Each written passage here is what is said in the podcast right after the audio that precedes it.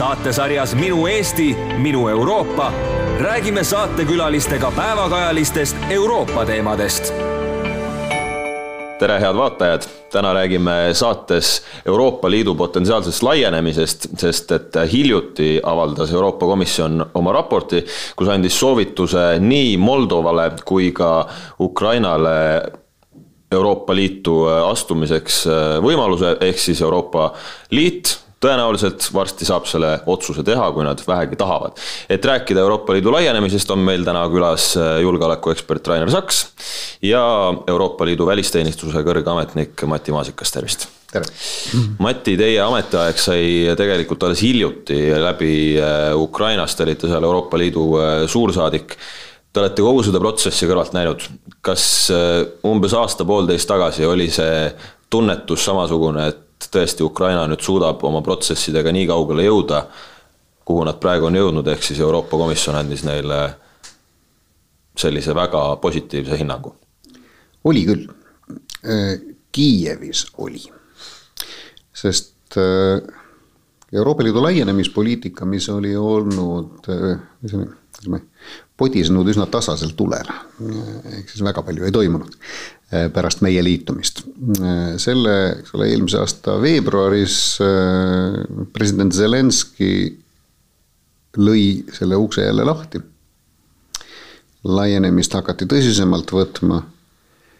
Euroopa Liit andis Ukrainale kandidaadi staatuse ja ütles sinna juurde, et see kandidaadi staatus on antud selle arusaamisega, et toimuvad reformid seitsmes, seitsmel võtmealal. Ukrainlased jällegi väga julgelt ja tegelikult väga osavalt keerasid selle asja, keerasid sinna selles mõttes ühe vindi peale, et nad ütlesid endale ja siis äh, ütlesid endale, et äh, aga meie jaoks on need seitse, seitse tingimust või seitse soovitust. meie jaoks on need eeltingimused järgmise sammu tegemiseks.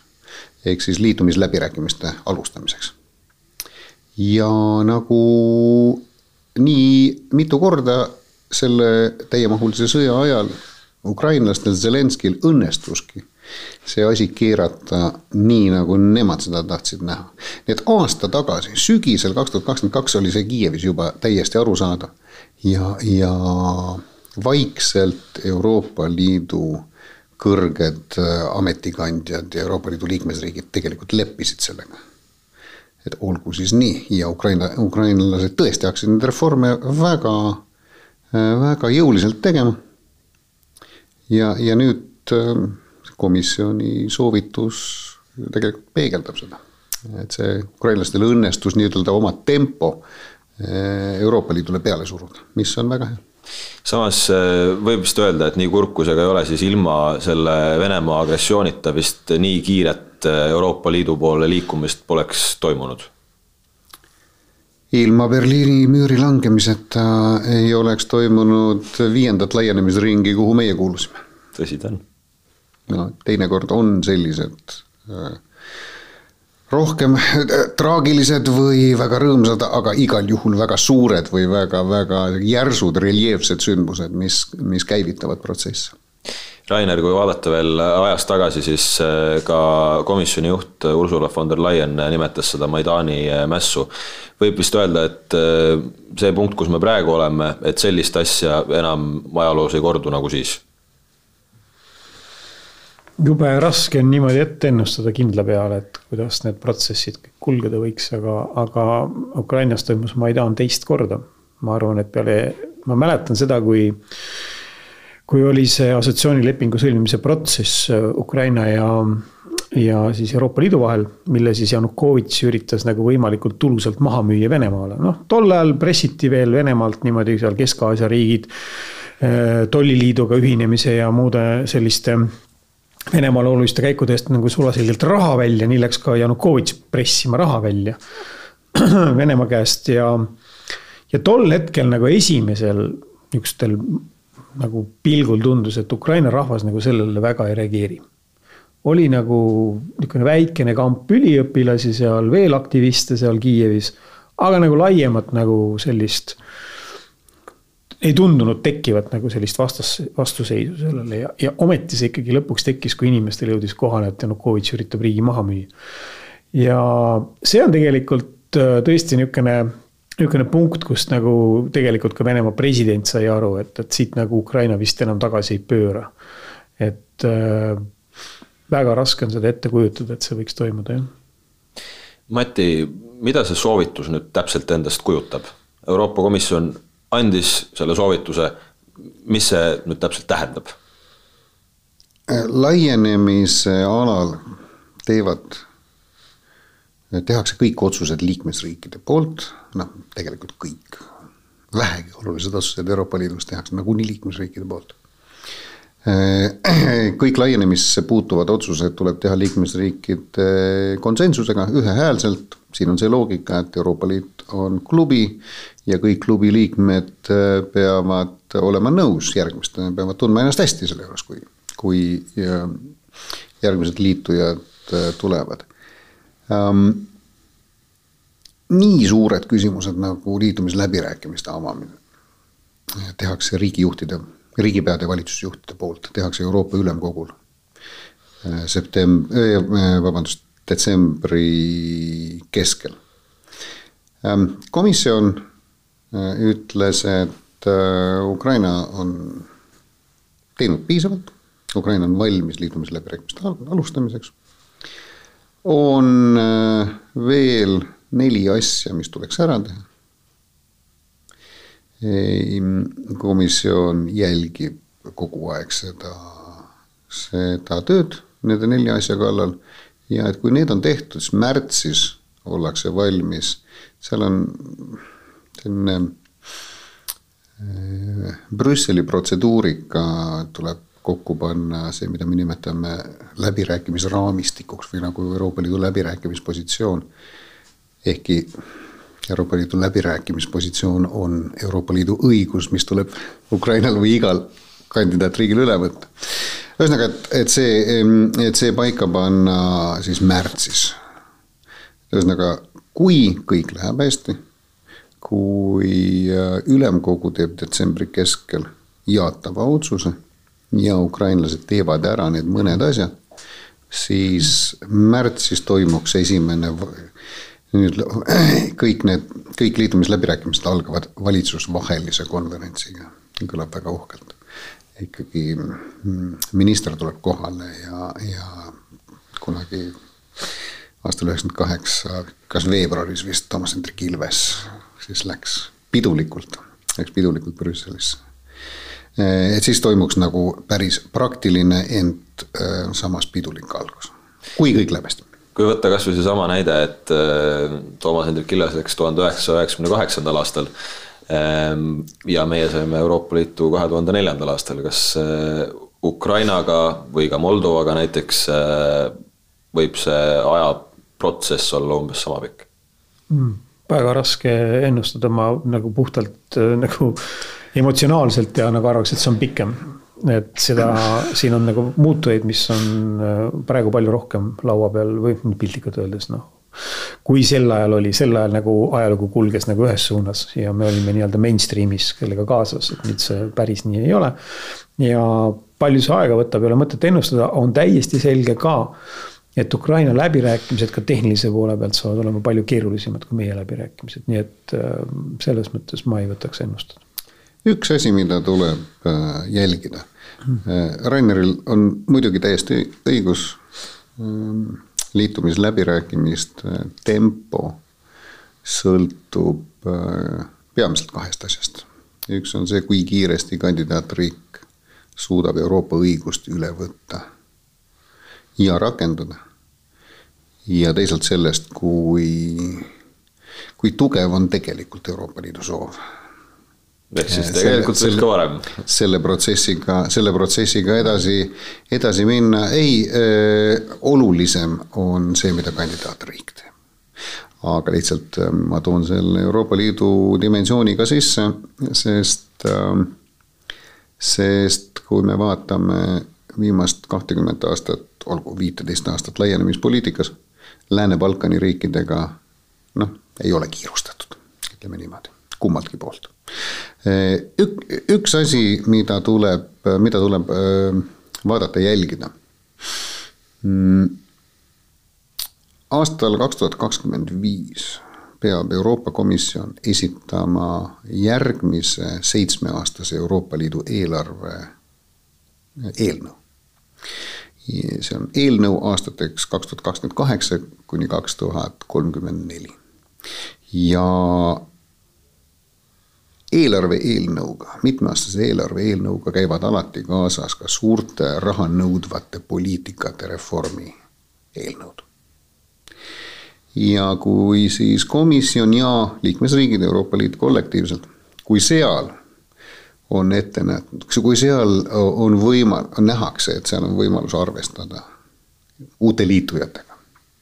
kui ähm, Euroopa Liidu ühtset põllumajanduspoliitikat rahastatakse rohkem, kogu Euroopa Liidu eelarvet rahastatakse rohkem või seal tehakse mingeid muundusi, mis, mis võimaldaksid äh, suurel ja väga suure, väga arenenud põllumajandussektoriga riigil nagu Ukraina liituda. siis see, see näitaks nagu Euroopa Liidu, Euroopa Liidu pühendumust ja see annaks ka võib-olla mingi ajaraami siis. et kuna see eelarve on ette nähtud siis kestma aastani kaks tuhat kolmkümmend neli et siis saame enam-vähem mingi aimduse, et millal see võiks juhtuda. no siis, siis, siis näeme, ma arvan, kui me kahe aasta pärast näeme, kas on, kas on lootust, et see kümne aasta jooksul toimub mm. -hmm. mida see Euroopa Liidule üldse annaks, et näiteks Ukraina tuleks Euroopa Liitu? sest et Ukrainat tõenäoliselt peab ikka üsna usinalt äh, takka ka aitama. armee. armee jah, tohutu, tohutu armee võrreldes teiste Euroopa riikidega, aga no ma ütleks niimoodi, et äh, Euroopa Liidul on vaja niisugust positiivset impulssi selles mõttes nagu Ukraina tabab no natukene võib-olla sellist, äh, ma ei tea, soovi või peale Brexitit on nagu ikkagi tegemist no imagoloogiliselt nagu kahaneva struktuuriga, mis, mis kunagi ei ole nagu veenev, et ta on nagu elujõuline, et selle tõttu siiamaale oli Euroopa Liidu põhiline suur niisugune Äh, positiivne imago tuli sellest, et ta laienes, temaga taheti liituda, ta oli atraktiivne, selles mõttes see on väga oluline nagu imagoloogiliselt ja turg kasvas, see ühine turg. ja nüüd on ta korraga kahanenud, eks ju, väga olulise maailmas ikkagi, ma ei tea, UK, tähendab Suurbritannia vist on üheksas, kümnes majandus, eks ju. kuuskümmend miljonit inimest läks sealt turult ära järelikult Euroopa Liidu atraktiivsus ühise turuna langes. nüüd oleks võimalik väga suure Äh, potentsiaaliga riigi liitumine, pluss veel noh, okei okay,, Moldova on nüüd natukene eraldi teema, aga ka Balkanil tõenäoliselt tooks see siiski kaasa teatava motivatsioonipuhangu midagi nagu liigutama hakata ja Euroopa Liitu pürgida. et see annaks nagu teatava positiivse impulsi Euroopa Liidu liikmesmaadele, aga siin on ka väga suured väljakutsed, mis on eelkõige psühholoogilised ja Mati juba nimetas, põllumajandussektor. see, see tekitab väga palju, palju pingeid Euroopa Liidu erinevates liikmesmaades kasvõi juba puhtalt eelarvamuslikult. ja selle tõttu see sõltub väga palju sellest, kas Euroopa juhid tahavad, et neil on positiivne agenda. või muutub see mingisuguseks niisuguseks sumbuurseks äh, üksteise veenmiseks nagu kuidagi, et kuule, katsume selle kuidagi ära teha, et see on nagu väga tähtis psühholoogiline aspekt siin ja samas Ühendkuningriiki ja neid potentsiaalseid liitujaid omavahel kasvõi majanduslikult on väga keeruline võrrelda, sest et nagu te mainisite ka üheksas, kümnes majandus, see on muide, Ukrainal on see potentsiaal saada väga tugevaks väga mitmes äh, majandussektoris ja see on siiski praegu ainult potentsiaal. Suurbritannial on see olemas, et selles mõttes on muidugi vahe mis puudutab neid äh, ülesandeid, mis äh, Ukrainale anti, sealsamas raportis öeldi et, et üheksakümmend protsenti nendest on täidetud. Eesti välisministeerium ütles, et nemad hindavad isegi seda, et seda on rohkem täidetud mis seal siis äh, nüüd puudu jääb sellest äh, kõigest, ma saan aru, et oligarhid on üks teema, aga kas seal on veel midagi sellist, mis on tõesti nüüd vaja saada, et see sada protsenti täis saaks? see ei ole kunagi täppisteadus. eriti, et üks läbiv soovitus on see. linnuke kirja ei saa päris niimoodi. see, see ei ole päris niimoodi jah, mõnda sa saad muuta või, või mõnda sa, või mõnda nendest asjadest sa saad mõõta. näiteks on üks meediaseadus Euroopa Liidu audiovisuaaldirektiivile vastava meediaseaduse vastuvõtmine. tegelesin sellega võrdlemisi põhjalikult, seda sa saad mõõta ähm,. usutav, kuidas on track record eesti keeles ehm, jalajälg usut-, usut-, tegelikult usutav nimekiri korruptsiooni eest süüdimõistetutest. Credible track record, kelle jaoks on usutav, kelle jaoks ei ole.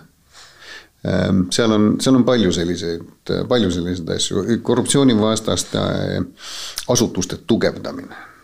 no on eh, paraku Brüsseli tava eh, minna üsna, üsna väikestesse detailidesse nende asjadega. Mis, ehm, mis, eks ole, kandidaatriikide jaoks jätab selle mulje, et kuule, kas te teate paremini, kui mitu inim-, kui mitu uurijat meil see korruptsioonivastane agentuur vajab. muidugi Euroopa Komisjon, Euroopa Liit, kellel on seal rohkem kui saja inimesega esindus Kiievis, muidugi teab väga palju. aga need on ikkagi asjad, mis on parem jätta, on, on targem jätta nende riikide enda otsustada detailis. nii et nagu see on see, see on see raskus. see on see raskus, et, et see kõik ei ole, kõik ei ole täppisteaduslikult mõõdetav. hinnangu küsimus ja igal juhul on nagu see areng on olnud väga heas suunas. seda tunnistavad kõik, et see, ma ei oleks ei Ukraina ega, ega, ega komisjoni ega Eesti Välisministeeriumi asemel. ma neid protsente seal, protsente seal üldse ei mainiks, aga, aga, aga olgu kuidas äh, Ukrainas sees need äh, muutused on äh, vastu võetud, seal on konstitutsioonikohtu reform, kõrgem kohtunõukogu on valitud, korruptsioonivastase võitluse programm ja nii edasi. kas see on midagi sellist, mida ukrainlased ise ka tunnetavad, et voh, ära tegime, hea? Siin tulevad kokku ähm, sellised erinevad, erinevad protsessid ja, ja suundumused esiteks Ukraina üle üheksakümne protsendi Ukraina kodanikest ütleb, et äh, korruptsiooniga tuleb võidelda, korruptsioon on halb. Nad peavad silmas äh, siin muidugi ametiisikute korruptsiooni, mitte igapäevaelus toimuvat. vahepeal võib ikka. Äh, see on üks asi. Teine, teine vektor, kui, kui soovite, on, on see, et et äh, lääne partnerid, Ukraina doonorid nõuavad seda. ja, ja Zelenskõi ja tema meeskond loeb neid signaale, sealhulgas avalikku arvamust, äh, kui väga hästi. Väga hästi äh, ei ole mõtet arutleda selle üle, kas need, sest see on ka asi, millest, millest nagu mõned, mõnes Euroopa Liidu pealinnas väga tahetakse arutada, on need ikka siirad asjad. kas nad ikka siiralt, kas, kas Zelenskõi ikka siiralt võitleb korruptsiooniga? Ähm, inimesi võetakse järjest kinni praegu, järjest tulevad välja. Äh, asjad äh, suvel võeti ülemkohtu esimees äh, kinni, eks ole teolt, tabati teolt, eks ole, kahe koma seitsme miljoni dollari vastuvõtmisel.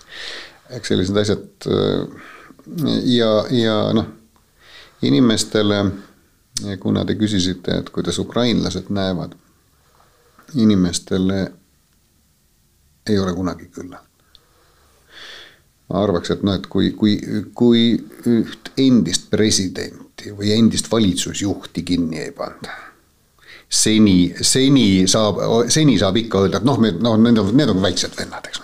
eks me teame ikka nagu päris nende suurte kalade kallale muidugi ei minda mm. -hmm. aga, aga ikkagi seda kokkuvõttes äh, areng praegu Ukrainas korruptsioonivastases võitluses toimub äh, jõudsalt ja täiesti nagu tõestatavalt ja see puudutab ka näiteks otsapidi seda, et miks nendest oligarhidest nii palju räägitakse, et neil ikkagi on võimalus seal oma varadega, oma rahadega mingisuguseid teatud asju natukene suunata, natuke mudida endale sobivas suunas. kohutav lugu, aga mm, pooleteist äh, täiemahulise sõja, pooleteise täiemahulise sõja aastaga on Ukrainas järele jäänud ainult kaks miljardäri. Ahmetov või Pintšuk äh, äh, Ukraina oligarhid, kes jah, kellel on olnud väga tugev, väga tugev ebaterve mõju ühiskonnas, ma ei eita seda. Nad on see täiemahulise sõja ajal, nad on kõvasti raha kaotanud. Nad on kaotanud oma meediamõju.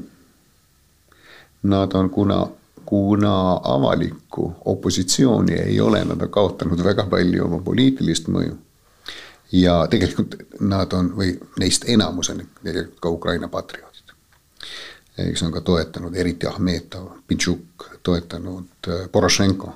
Äh, ma arvan, võib nimetada selles nimekirjas, kõvasti toetanud sõjaväge ja seda sõja, äh, sõjapingutust.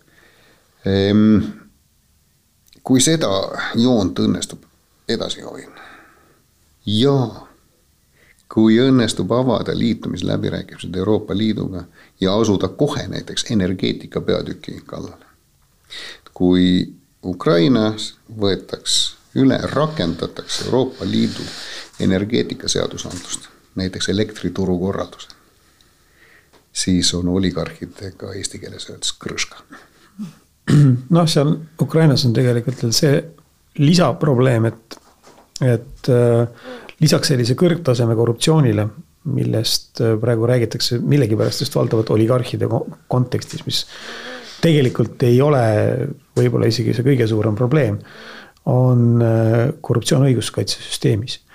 ja vot nagu sellest jagusaamine ei ole niimoodi võimalik, et sa paned kolm inimest kinni või neli inimest kinni ja siis nagu ongi kõik otsas. ja vot, ja vot, ja võtad kolm, kolm asemele, kellest sa arvad, et, et nad on ausad, seesama, vabandust, ma katkestasin, aga seesama, seesama ülemkohtu esimees Knjazev noorema põlvkonna inimene ametisse pandud, juba reformitud ülemkohtus. eks see suurepärane inglise keel, ähm, sidemed, head suhted lääne partneritega ja ja juhtub niisugune lugu. ja osut-, osutub. ja siin on nagu ka need väljakutsed, et ka tegelikult äh, Zelenski äh, nii-öelda siis, ma ei tea, lähikond, kui nad tulid võimule Nad nimetasid tagasi ametisse mitmeid inimesi, keda tegelikult oleks tohtinud nimetada. aga äh, õiguskaitsesüsteemis laiemalt on küsimus, et kas seal saavad inimesed õigust, kas see toimib, seetõttu on küsimus nagu selles, kas Ukraina majandussüsteem hakkab toimima. ja vot selle kohtusüsteemiga ja õiguskaitsesüsteemiga tegelemine on veel nagu omaette nagu väga suur väljakutse. Õnneks on Ukrainas toimiv ajakirjandus ja see on tegelikult ühiskonnas väga suur pluss mis on hämmastavalt kvaliteetne, hämmastavalt äh, mitmekesine ja, ja, ja tegelikult on seal tugev konkurents erinevate meediaväljaannete vahel on nagu, mis on nagu issandama kingitus. me näeme väga paljudes nendes riikides, kes aplikeeruvad Euroopa Liitu saama, et see nagu puudub ja, ja ma arvan, et väga paljud ka Euroopa Liidu enda liikmesmaad võiks vaadata, et ja imestada, kuidas seal nagu ajakirjandus toimib. Aga see on ainult nagu selline nagu üks pool, see on nagu see, et noh, et on olemas vähemalt võimalus, et sa jääd vahele ka sedakaudu, et sind, sind nii-öelda ajakirjandus paljastab. aga tegelikult, kui kohtus ei saa õigust ja kohtus, kohus ei mõista õiglaselt õigust ja kvaliteetselt ja kiiresti, siis ei hakka ju väike keskmine ettevõtlus mitte kuidagimoodi Ukrainas elama ja, ja noh, sellega tegelikult äh, ma arvan, et äh, Ukraina võib-olla peaks ise taipama, et tal on endal seda rohkem vaja kui selleks, et. et Euroopa Liitu saada, see on tegelikult alati väga tähtis nende reformide puhul. et kas sa saad aru ka, et seda on sul endale vaja, mitte selleks, et äh, pääseda sinna Euroopa Liitu sisse Te mainisite seda vaba ajakirjandust ja enne oli juttu ka pisut sellest, et Euroopa Liit peab konsensuslik olema, et Ukrainat ja ka teisi riike, ükskõik kes see siis on, Euroopa Liitu võtta ja no üks riik, kus ei ole väga vaba ajakirjandus, on Ungari. kas sellise riigi puhul, mille president rõõmsalt käib Vladimir Putiniga kohtumas, on seda lootust, et olgu, võtame Ukraina liitu? ma ei tea, praegu praegu nagu nii kaugeleulatuvaid järeldusi teha ei saa, et kuna see on nagu pikk protsess, loomulikult äh, noh, praegugi on näha, kuidas äh, Euroopa Nõukogu president läheb Budapesti kohtuma Orbaniga, et temaga seal natukene asju klaarida, inimene tahab tähelepanu, respekti. aga pikas perspektiivis see muidugi normaalne olukord ei ole ja noh, ma loodan, et, äh, et siin Ungaril ei tule nagu liiga palju täiendust nagu sellises plaanis, et tekib nagu selline komme hakata välja pressima siis nagu mingeid muid asju selleks, et nii-öelda teie kandidaat saaks nagu Euroopa Liitu sisse. et noh, see oht on teoreetiliselt olemas, et. laienemispoliitika, ütleme, nende probleemide kõrval, mida me juba siin käsitlesime eks ole, suur põllumajandussektor, konkurents, mida kardavad, juba praegu kardavad Poola põllumehed, eks ole ähm,. laienemispoliitika üks viimaste aastate ja aastakümnete üks kõige vastikumaid äh, või ohte, üks vastikumaid ohte laienemispoliitikale või laienemisprotsessile on äh, just needsamad asjad, millest Rainer räägib. Ähm, riikide kahepoolsed asjad, mida tuuakse siis Euroopa Liit. Sloveenia blokeeris Horvaatiat, me ei mäleta seda enam, aga kaksteist, kaksteist aastat tagasi Sloveenia ütles, et kui me seda merepiiri asja ära ei, kokku ei lepi, me ei lase Horvaatiat. sa võiksid arvata, et nagu need on kaks, võiks olla kaks kõige lähedasemat riiki Euroopa Liidus üldse, niimoodi. Kreeka eh, ja Makedoonia nimetüli, Bulgaaria ja Makedoonia keele ja identiteedi küsimus kui, kui neid asju ei õnnestu elimineerida, kui seal ei õnnestu leida riigimehelikkust, siis äh, see mõjub väga halvasti sellesama, sellesama meie enda usutavusele ja selle usutavusele, et meie pakkumine on päriselt. see liikmesuse pakkumine, mis nõuab jube palju tööd kandidaatriikides, et see on päriselt ja see mõjub halvasti, mõjub halvasti kogu meie laienemispoliitika. Te enne juba mainisite, et üks asi, mida Euroopa Liit saaks endale juurde, oleks armee. Ehm, mida see muudaks Euroopa Liidu äh, julgeoleku arhitektuuris, et nüüd äh, Ukraina tuleks Euroopa Liitu, kas see annab midagi juurde? tegelikult on ka väga suur muudatus. Äh, esiteks, kui Ukraina saab Euroopa Liitu, see eeldab, et et Venemaa positsioon on paratamatult nagu väga palju nõrgenenud, ma ei, ma ei taha öelda, et need on nagu täiesti nagu peegelpildis üksteisest, aga, aga noh, kuna Venemaa sellele sõjaga praegu üritab vastu astuda, siis see tähendab seda, et, et Venemaa peab nagu siin kõvasti taanduma. ja, ja tegelikult Euroopa Liidu geograafiline positsioon muutub väga palju. et Venemaa, äh, mis siiamaale on ikkagi kontrollinud väga suurt osa Musta mere rannikust, nüüd korraga selgub, et Euroopa Liit kontrollib kahte kolmandikku peaaegu Äh, Musta mere rannikust. ja, ja see annab Euroopa Liidule tohutult palju teistsuguse võimaluse äh, piirkonnas seal edasi oma äh, noh, ma ei taha öelda mõju on siin halb sõna, aga, aga, aga arendada siis suhteid Kaukaasia suunas ja nii edasi ja nii edasi. Euroopa Liit, kui ta suudaks ka stabiliseerida Balkani, siis ka tema, tema positsioon nagu seal piirkonnas laiemalt muutuks veelgi kindlamaks.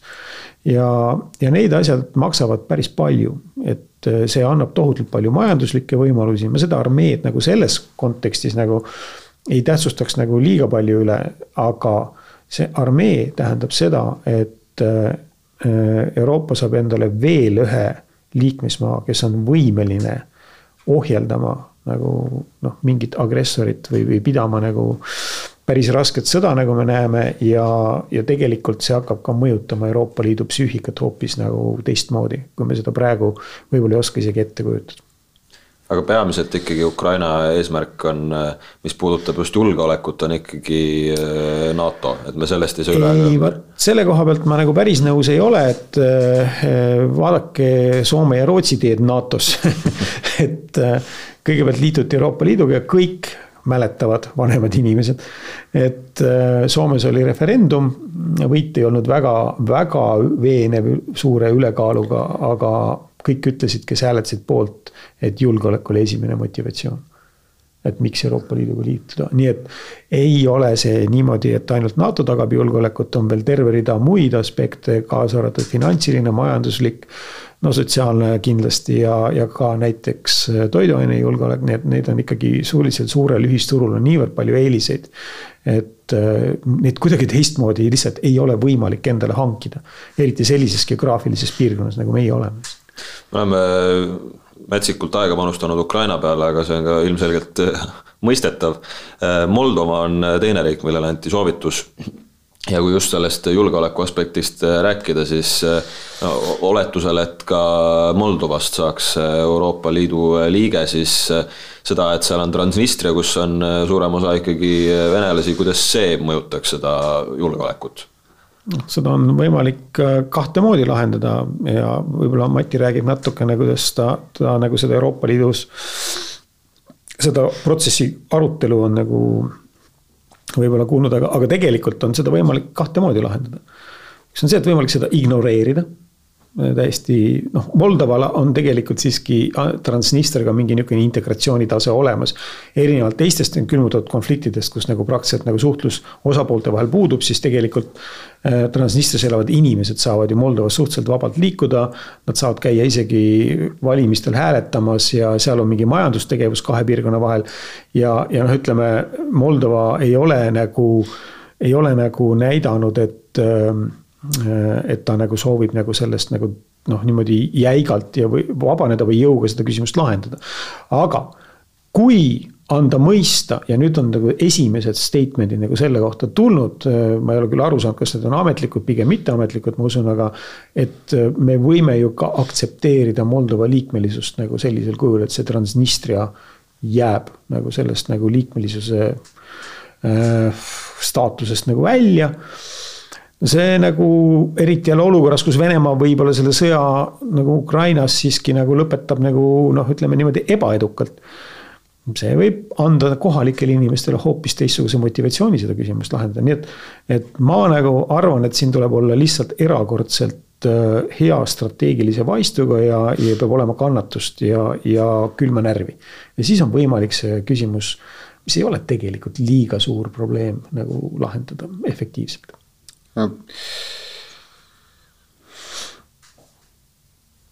Euroopa Liidus on Küpros, mille territooriumist kolmkümmend seitse protsenti ei kontrolli Küprose valitsus.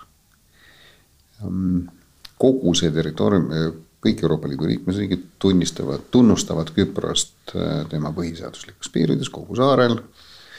Ähm, ja, ja selle liikmed, Küprose liikmesus toimub niimoodi, et ametlikult on kogu Küpros oma põhiseaduslikes piirides Euroopa Liidu liige.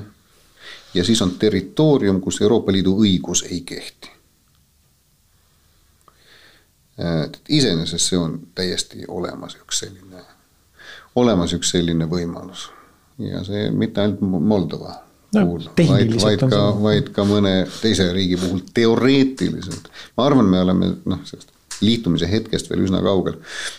ja, ja ka selle küsimuse lahendamisest liiga kaugel ja ma olen Raideriga nõus muidugi, et et praeguse Vene-Ukraina sõja tulemusest sõltub päris palju ka see, ka see, mis seal selle, mis seal tuhat viissada või kaks tuhat Vene sõdurit. See on väga, see on väga väike, see on väga väike arv, äh, kes seal Dnestri äärses on.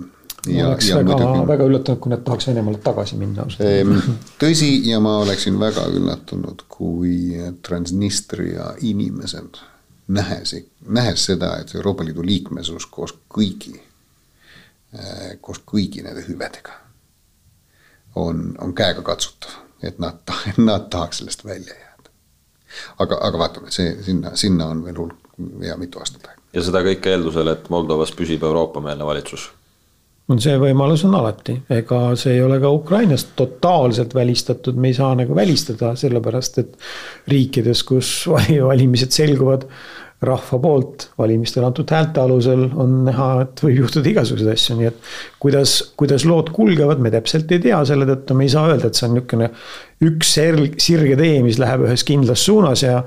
Euroopa Liit võib muutuda ja igasuguseid asju võib juhtuda. minu, ma võin eksida, peast pakuks, et Euroopa Liidu laienemise ajaloos on kaks sarnast juhtumit olnud, üks oli Malta, kus valitsuse vahetus uus valitsus võttis liitumistaotlused tagasi, siis vahetus valitsus jälle ja nad panid uuesti sisse.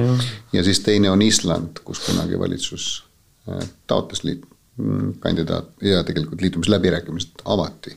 ja siis tuli järgmine valitsus, äh, mis võttis siis, ütles, et me ei, ei soovi seda protsessi jätkata. vaatame, võib-olla seal ühel päeval ka veel miski muutub. Gruusiast äh, ka võib-olla paar sõna, sest et ka nemad said nüüd äh, soovituse kandidaatriigi staatusele. mida see nende jaoks muudab, sest et ka Gruusiast on siin kasvõi sel aastal tulnud väga vastuolulisi sõnumeid, mis puudutab äh, seadusi, mis nad on läbi üritanud suruda ja mäss tänavatel ja nii edasi. no ma ütleks niimoodi, et esimese hooga, et et mõnes mõttes on see Gruusia praegusele valitsusele paras väljakutse mida, mida nad oma rahvale seletavad, mis nad nagu sellega peale hakkavad. ja võib-olla ka Euroopa Liit võttis ikkagi väikese riski, ega see nüüd ka nii ühemõtteliselt selge ei ole Gruusia poole, et mis selle valitsuse taotlus selle Euroopa Liidu suunal siis nagu tegelikult või praktikas on, sest üht, üks on see, et ta deklaratiivselt muidugi ta nagu on jätnud oma sellise välispoliitilise kursi samaks, aga tegelikult praktikas ta seda selliselt ei sisusta ja, ja noh, selles mõttes on jälle huvitav seis seal Kaukaasiat olukorras, kus Venemaa on sisuliselt lahkunud Lõuna-Kaukaasiast või lõunapoolsest osast Armeeniast ja ja, ja noh, eriti muidugi sealt äh, Aserbaidžaani territooriumilt Karabahhist, siis äh, noh, ma arvan, et Venemaal on kindlasti väga-väga suur huvi mitte kaotada positsioone äh, Gruusias.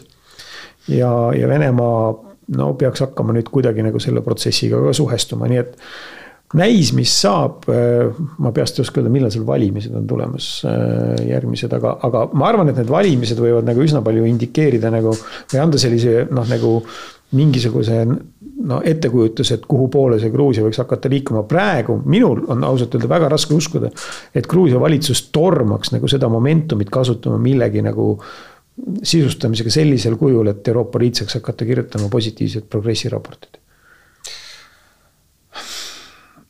kohe pärast selle otsuse tegemist võimul oleva erakonna või valitsuse populaarsus viskas jõnksatades üles opositsiooni oma alla ehm,.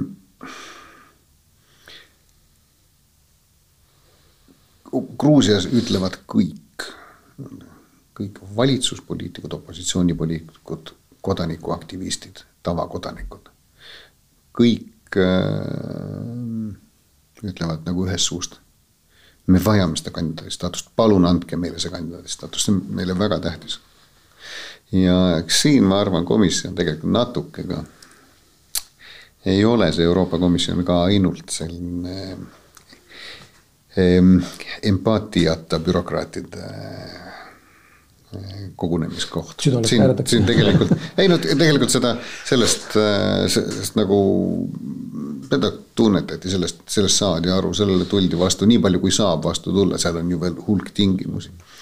aga ma arvan, et nagu selles mõttes on see no, väga palju, kaasa arvatud Eestis, kaasa arvatud Eesti valitsuses, mm, eks ole, küsitakse, et, et kuulge, et vaadake, et mida see Gruusia valitsus, see praegune valitsus, mis ta praegu teeb oma välispoliitilises organisatsioonis, et või orientatsioonis, et on see õige samm.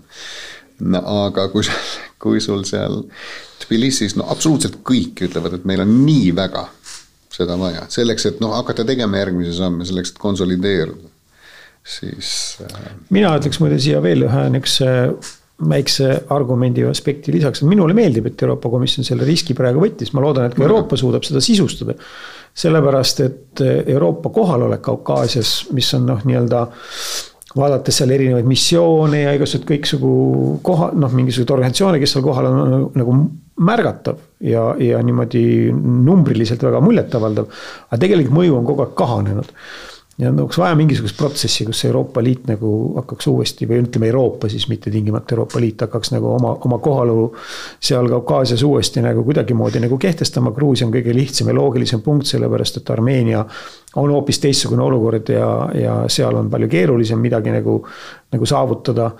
nii et selles mõttes minule see meeldib, ma lõpetuseks, kuna me oleme väga palju Balkanist äh, rääkinud ja noh, lihtsalt teemasid on Euroopa Liidus üsna palju. võtaks sellise väikese ennustuse rubriigi ikkagi ka, et mis poolt või kes võivad olla need riigid, kes nüüd esimeste seas nüüd järgmisena saavad Euroopa Liidu liikmeks mina küll ei ütleks, et kes esimesena siin saab. Ei julge. kes on kõige lähemal, ütleme siis nii. ei, ei julge arva, kui. keegi ja, pole, seni kuni pole liitumisläbi peatükid suletud, ei ole keegi lähedal.